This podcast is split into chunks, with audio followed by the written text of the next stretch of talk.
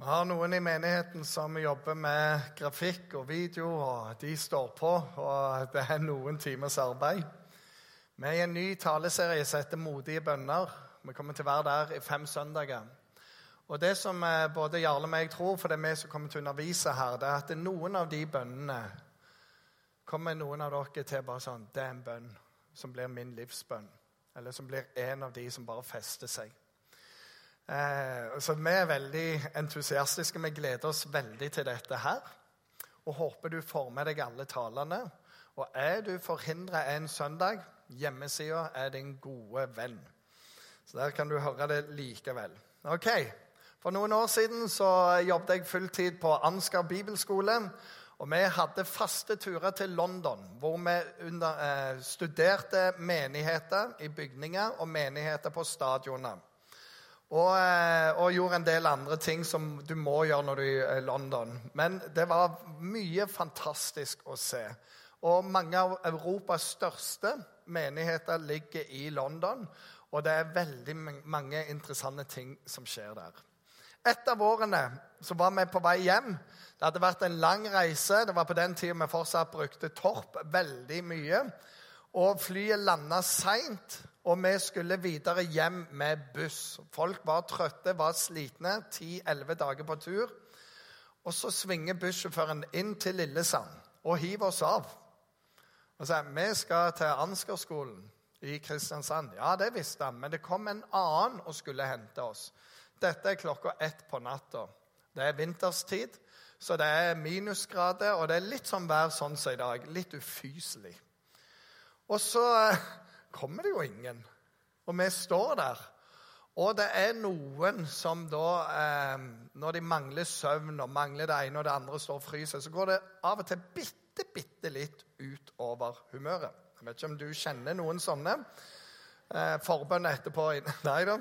Men eh, så Og så er det plutselig noen av denne gruppa som sitter inne hos taxisjåførene og varmer seg og har kakao og kaffe. De syns jo det er litt trivelig. Hvorpå noen som da har egentlig sutra i mange dager på uh, turen, fant enda en grunn til å si noe. Så hvorfor sitter de der inne? Hvorfor kan ikke vi være der inne? Og så bare renner det over for ei av de andre i gruppa. De spurte! Du kan spørre sjøl! Og var rimelig lei av det der. Og det var, og da holdt vedkommende munnen etterpå. Skjønte, nå var det litt for langt. Men det var én viktig forskjell, og det var de spurte. Og så står det et bibelvers. Ja, Vi skal snakke om å skifte fokus i bønn. Men det står et vers. Dere har ikke fordi dere ikke ber. Og Det har vært et sånn bibelvers når jeg leste det. bare sånn boom! Det der kunne gjelde meg en god del ganger. Og av og til så tror jeg vi i Norge glemmer å be. Fordi vi har det så greit, og så skal vi fikse det. Og så blir det sånn når alt er håpløst og alt er ute, da kan vi Vent nå litt, skal vi be til Jesus? Så sier han dere har ikke fordi dere ikke ber. Det var noen som var varme på en taxistasjon, for de spurte. Og, og, I Gamle testamentet så er det noen avsnitt et av de jeg elsker, står 'Rop til meg, så vil jeg svare deg'. Men dere har ikke fordi dere ikke ber. Jesus han drar på med noen saftige ting om bønn. og Her er noen av dem. Jesus sier til dem Sett at en av dere går til en venn midt på natten der har vi denne nattegreiene igjen, og ber han, 'Kjære, lån meg tre brød.' En venn er på reise og kom til meg, og jeg har ikke noe å by han. Tror du da han svarer innenfra? Ikke forstyrr meg, døren er alt stengt, og barna jeg er i seng. Jeg kan ikke stå opp for deg for noen ting. Nei, jeg sier deg, om han ikke står opp og gir det for vennskaps skyld, vil han i alle fall gjøre det fordi han er så pågående, og han gir han alt han trenger. Og så sier Jesus, sånn skal dere be. Ikke fordi du fortjener det, ikke fordi det passer, men fordi du er så pågående i bønnen din. Jeg bare ser for meg denne fyren klokka tre. 'Hallo! Jeg har fått noen på besøk!' Sånn, du bare vekker alle. Det bare uh, koker på innsida. 'Hallo!' Sånn, du vet det er én måte å få igjen søvnen. Det er bare gi han det. Sånn, 'Jeg går ikke ut, jeg bare bare Bare gi han det!' Sånn, at så bare, 'Vær så god.' Og så sier Jesus, Be sånn. Be på den måten. Aldri gi opp når du ber. Og videre i denne teksten så sa han jeg sier dere, be, så skal du få. Leit, så skal du finne, og bank på, så skal det lukkes opp for dere. Eller som en sa, bank på, så skal det bankes opp for dere. For den som ber, han får, og den som leter, han finner. Og den som banker på, skal det lukkes opp for. Og i denne teksten så er jo noe av betydningen be og fortsett å be og fortsett å be og fortsett å be helt til du får. Leit og fortsett å lete helt til du finner. Nå har jeg bedt, jeg er ferdig med det. Nei, du fortsetter og du fortsetter og du fortsetter i bønn helt til du får det. Og Så sier han videre.: Finnes det en far blant dere som gir sønnen en orm når han ber om en fisk, eller gir han en skorpion når han ber om et egg? Når sjøl dere som er onde, vet å gi barna deres gode gaver, hvor mye mer skal da ikke den Far i himmelen gi Den hellige ånd til den som ber ham? Og i denne teksten så sier han be spesifikt. Jeg ber om en fisk, jeg ber om et brød. Hva ber jeg? Jeg bare ber Gud. Nå, nå skal ikke jeg ha noen vilje. jeg. Må bare din vilje skje. Nå skal ikke jeg ha noe agenda. Må bare ditt være. Så hva vil du? Å, vet du, Gud, jeg vil bare eh, noe. Det som du vil. Jeg vet ikke om du noen gang har vært kjæreste med noen. Ja, Hva skal vi gjøre? Jeg vet ikke. Hva vil du? Nå, bare si det, du, da. Nei, jeg vil ikke. Jeg vil bare gjøre det du vil. Ja, men jeg vil jo bare gjøre det du vil. Ah, bare si det. Så at det var sånn kan noen komme til poeng her? Og, så, og det festligste med disse parene OK, jeg tror vi skal gå tur. Nei, det vil jeg ikke. Sant? Og han sier be spesifikt. Be hva er det du vil. Dere har ikke fordi dere ikke ber. Og få det litt spesifikt. Videre i Lukas kapittel 18, jeg har ikke dette på skjerm, men da sier Jesus òg Hør, vær utholdende i bønn. Ikke gi opp. Og så drar han en lignelse om ei som trenger å få en rettferdig dom i noen ting. Hun går til en dommer som ikke er rettferdig, men hun sier natt og dag til han, 'Hjelp meg til min rett mot min motpart.' 'Du må hjelpe meg. Du er dommer, du kan gjøre det.' Så jeg vil ikke ha noe med det å gjøre. 'Hjelp meg til dette', sa hun. 'Hjelp meg.' Kom igjen, hjelp meg! Dag ut og dag inn og dag ut og dag inn. Og vet du hva som pleier å skje da? Folk blir lei. Og jeg vet ikke om du har hatt unge eller sett noen snill, kan jeg bare få? Nei. Kan jeg bare få? Nei. Mamma, kan jeg bare få? Og til slutt så bare Vær så god! Sånn. Og det er det Jesus sier her. Så sier han i denne teksten om han ikke gir denne kvinnen det fordi han syns hun fortjener det, så gir han det til henne for å slippe maset. Ingen som har vært der som foreldre noen gang. Så sier Jesus, be sånn. Og det er en oppmuntring til oss som har en del bønnetema som vi venter på svar på. Som vi ser det der er bare Vil det noen gang skje? Du som ber for dine barn, dine kjære. Aldri gi opp. Og det er det Jesus sitt budskap er. det. Fortsett å be. Be og be. Og det er et nydelig bilde av når du står og hamrer mot en demning som er fullt av vann kan stå og slå og slå og slå mot den muren, og ingenting skjer. Men du vet, når den første dråpen pipler gjennom, så er det så mye kraft i det magasinet at det er et tidsspørsmål før hele demningen brister. Og vi trenger å be igjennom en del saker. Det ser ikke ut som om det skjer en prikk, men når det kommer et gjennombrudd, da får du bare løpe, for da skjer det. Okay? Så bønn trenger ikke være det siste du tyr til, men det er ditt fremste våpen. Og la det være sånn. Vet du hva? Vi ba, og det skalv i grunnvollene. står det om disiplene når de bar. Så er det noen nydelige perspektiv òg her. Vær ikke bekymra for noe, men legg alt dere har på hjertet, framfor Gud. Så hvis du som dame spesielt, dere har noe mer ord enn oss menn. Hvis de andre er lei, han blir aldri lei. Alt dere har på hjertet, framfor han. Be og påkall til han med takk. Og Guds fred som overgår all forstand, skal bevare deres hjerte og tanke Kristus Jesus. Vet du hva? Det alene er et bibelvers som du kan ta til deg. For noen har naturgaven til å bekymre seg, andre har fått nådegaven. Og, og, og det er bare sånn, så, Men istedenfor å bare være der i bekymringen din Du bekymrer deg for alle ting, og hvis du ikke har noe å bekymre deg over, så er jo det òg bekymringsfullt. Sant? Så sier han det er noe annet. Legg alt det framfor Gud. Be og kall på han med takk. Han hører bønnen din, og han tar imot det. Og så får du noe i retur, og det er hans fred. Og det er bare noe helt ekstremt. Du begynner der i bønnen, begynner der, og så ender du sånn Gud gjør noe. Han endrer perspektivet mitt. Han endrer hjertet mitt.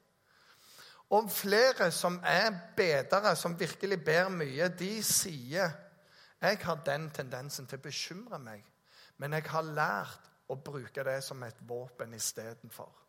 Når jeg kjenner bekymringer komme, så er jeg bare rett inn i bønn. Og så er det hvem er det som trenger at jeg ber nå?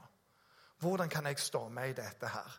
Og så vet de at nå har jeg gjort et stykke åndelig arbeid. For bønn virker. Om du ser det eller ikke, så virker bønn. Det flytter åndelige grensesteiner. Så kan du tenke bare kom her, bekymringer, for her skal du få motstand. Her skal du få bønn. Så det er jo veldig bra, da, i så måte. For meg så har det vært en bønn Eh, når jeg leste i Bibelen 'Høsten er moden, men arbeiderne få'. Be derfor høstens herre drive ut arbeidere. Så var det sånn, Den bønnen jeg må be, det er Jesus som sier dette. Vi skal be om det. Han sier ikke be om vekkelse, men han sier be meg sende ut arbeidere. Og siden den gangen jeg leste den bønnen, så har jeg vært sånn Gud, send ut arbeidere der jeg er. Send ut dine arbeidere til Randesund. Send de vi trenger, sånn at vi kan høste alt du har beredt i Randesund. Fordi det skal være vanlig her at folk tar imot Jesus. Og hvorfor det? Fordi Jesus er det beste du kan få tak i. Du har tilgivelse for alt det du har gjort. Du har en plan for nåtiden, og du har en sikkerhet for framtiden din. Hvilken bedre plan fins det for livet enn det? Og da trenger vi arbeidere til varme høstene. Men så ber jeg en bønn i tillegg. Og den kan gå ut over deg, og det kan gå ut over de rundt deg. bare så du vet det. For bønnen er å hjelpe oss å bli en plass du kan sende folk ut ifra. Og Da snakker vi ikke om tre år til Oslo eller Uniten for å studere og komme tilbake igjen. Da snakker vi bare flytte. Og du vet, du vet at når en sørlending flytter for godt, da er det Gud. Ingen andre. Så vi skal ta resten. Av og til så kan vi ha litt sånn vage bønner. Jeg vet ikke om du kjenner igjen noen av disse her. Gud, hjelp meg å finne en parkeringsplass. Gud, hold toget igjen, eller hold bussen igjen, eller hold flyet igjen. La det være litt forsinka, så jeg rekker det. Gud, vær med meg i dag. Så, ja, jeg har lovt å være med deg alle dager. Ja, men bare i dag. Så, Gud, la meg vinne i Lotto. Og så legger vi gjerne et sånn løfte til. Da skal du få eh, kanskje 20% av den summen. Hvis det er 5 millioner, så driver du og forhandler, liksom. bare sånn. Ingen som vet sånn La det være sol i helga, ber du, og så ber bonden på seg nei, la det være regn, Gud. Og så blir dere litt uenige der. Og, så. og i morgen så bare Gud, la det snø 50 cm, så jeg slipper å holde denne talen. Han hørte ikke på den bønnen. Neida. Men av og til så er det litt sånn. Litt bak, litt nært og sånne ting. Det vi skal fokusere på gjennom denne serien, det er litt annerledes bønner. Litt djervere, mer modig. Litt sånn Av og til kan kjenne Våger jeg å be det? For det endrer fokus, og det gjør noe med meg. Og I dag så får dere mange sånne små endringer. Men resten av serien så får dere egentlig én og én bønn, og de er heftige. Ok? Kom her. Jeg har en eh, god venn av meg. En kveld så legger han og kona seg for å sove. Neste morgen så våkner han, og det gjør ikke hun. Og så har han vært med i Navigatørene, og så snakket jeg en del med han. Og så sier han Jeg lærte noe i Navigatørene om å ikke være så veldig fokusert på å forbanna alt det vi ikke får oppleve. Hun var bare i 50-åra. De hadde tre unger. Men jeg lærte en ting. Og det var å takke for alt vi fikk lov å ha i sammen.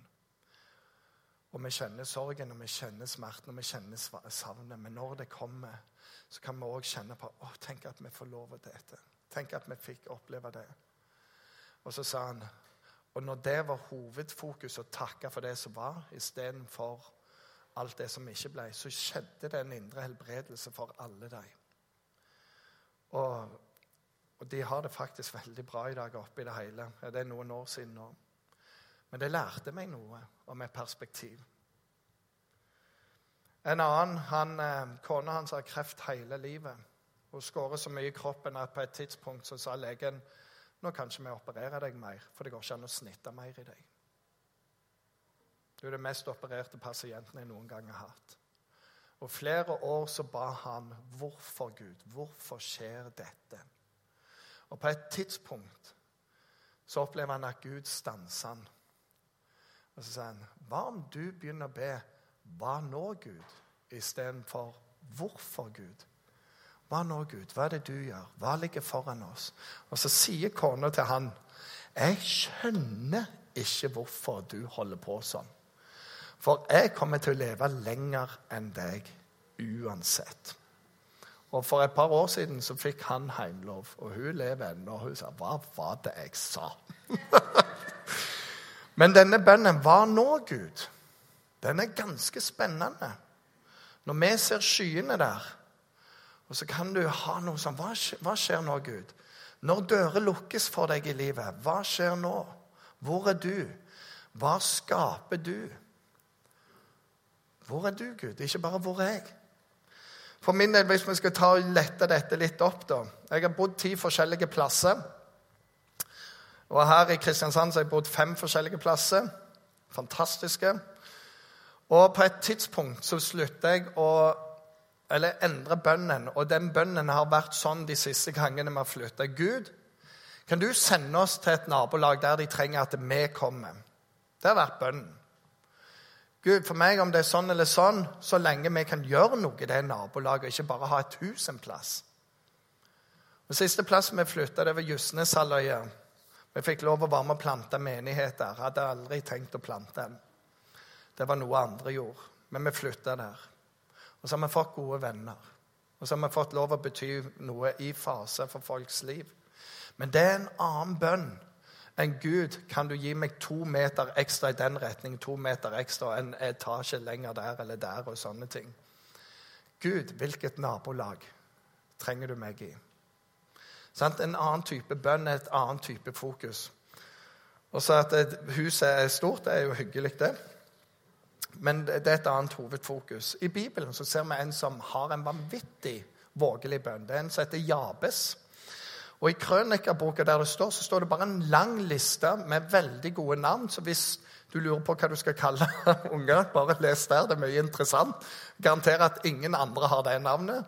Og plutselig så kommer det der Jabes står om han. Han påkalte Israels Gud og sa, Å, om du ville velsigne meg utvide mitt landområde og støtte meg med din hånd, befri meg fra ulykke og bevare meg fra smerte. Bare stå midt oppi lista på navn etter land, navn, en bønn der, og så står det Og Gud lot ham få det han hadde bedt om.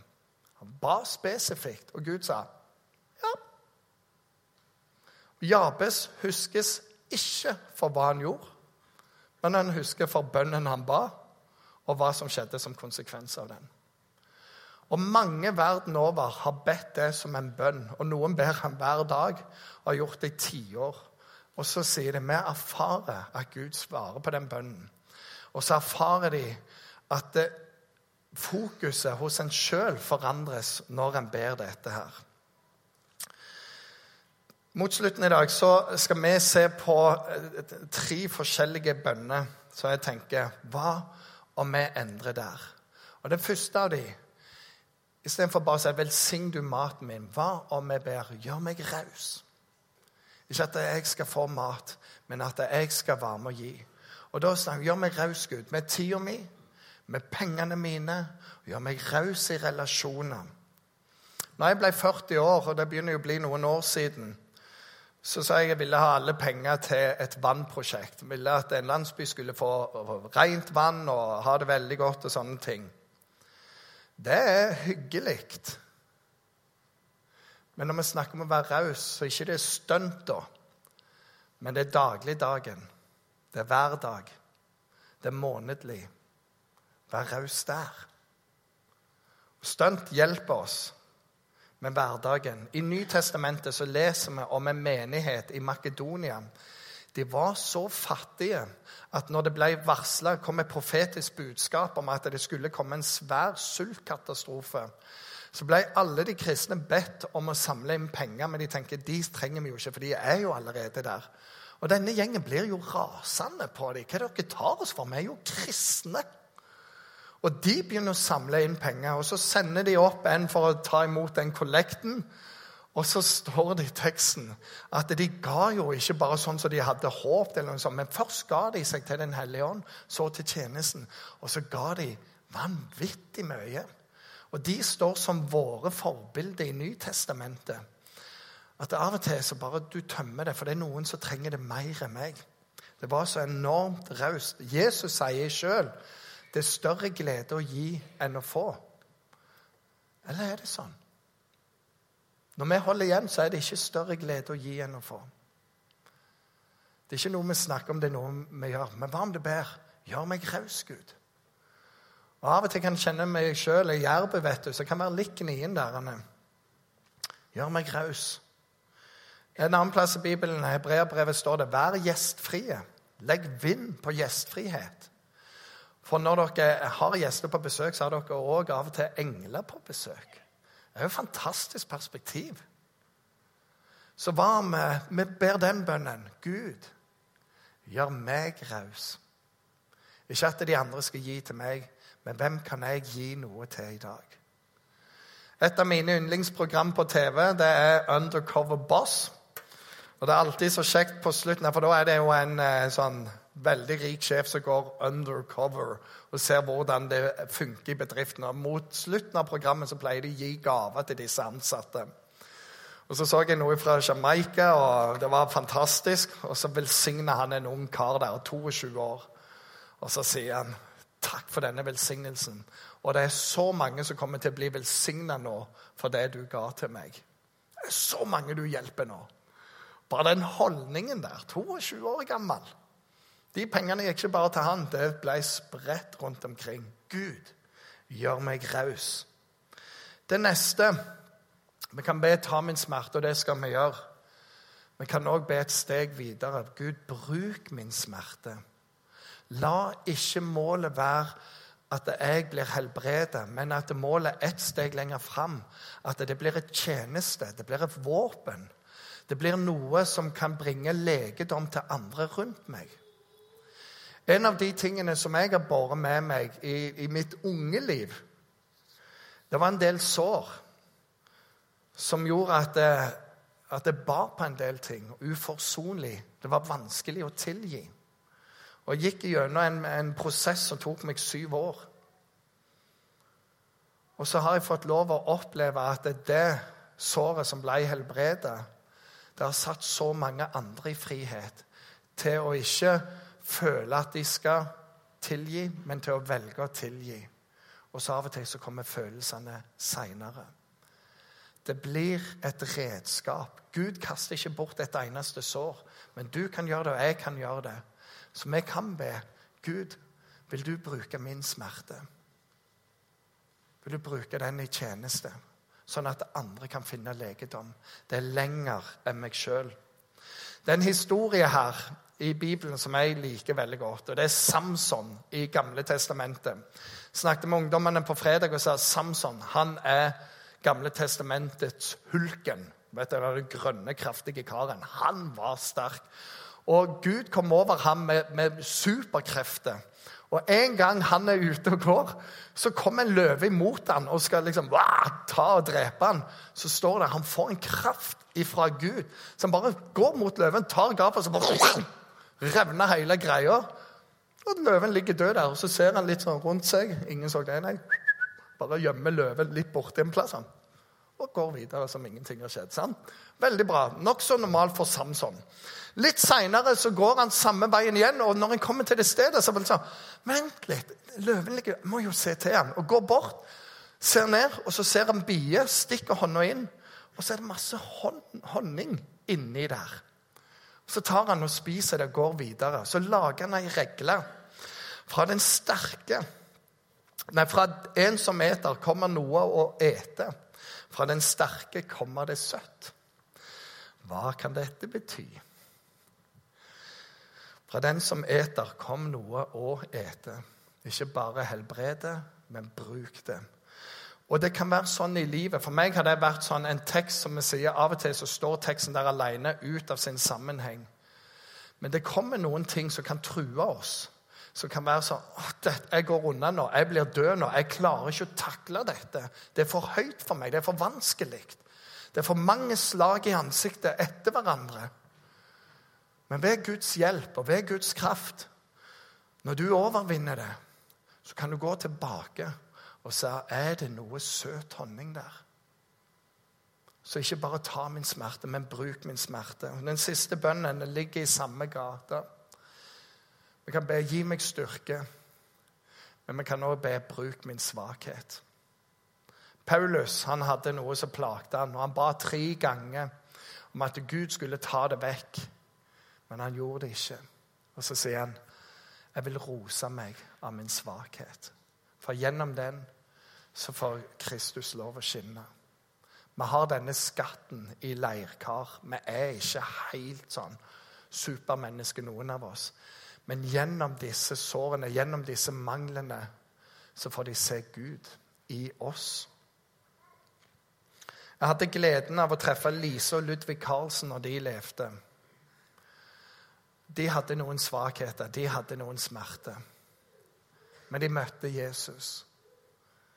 Og så ble evangeliesenteret til. Og så har de fått lov å hjelpe utrolig mange mennesker til å komme på fote igjen og få liv i gave på nytt. Sant? Bruk min smerte, bruk min svakhet. Og dette er det som jeg ønsker å bruke denne måneden på. Se, er det er det bønner du kan begynne å be? Er det bønner vi kan ta med oss? Som er modige bønner, som utfordrer oss sjøl. Og så vet vi at Gud er med oss. Se, jeg er med dere alle dager inn til verdens ende. Det er en vandring, men han er med.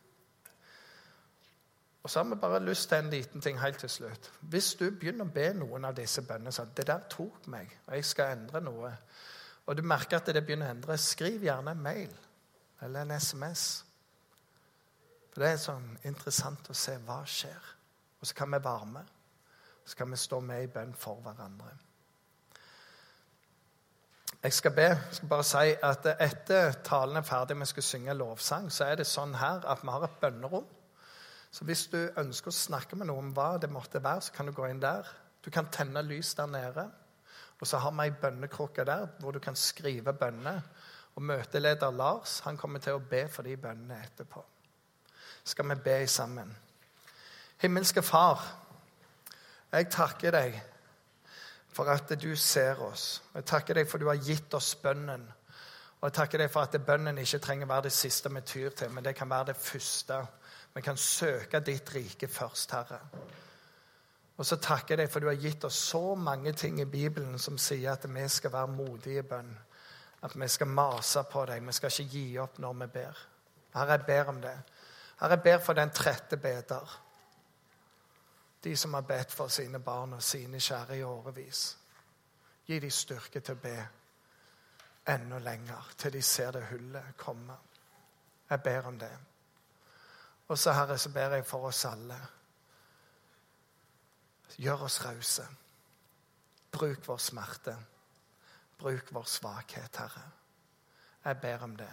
Underveis til vår egen helbredelse, Herre. Hjelp oss å dele med andre, så andre kan finne deg og kan finne legedom. I Jesu navn. Amen.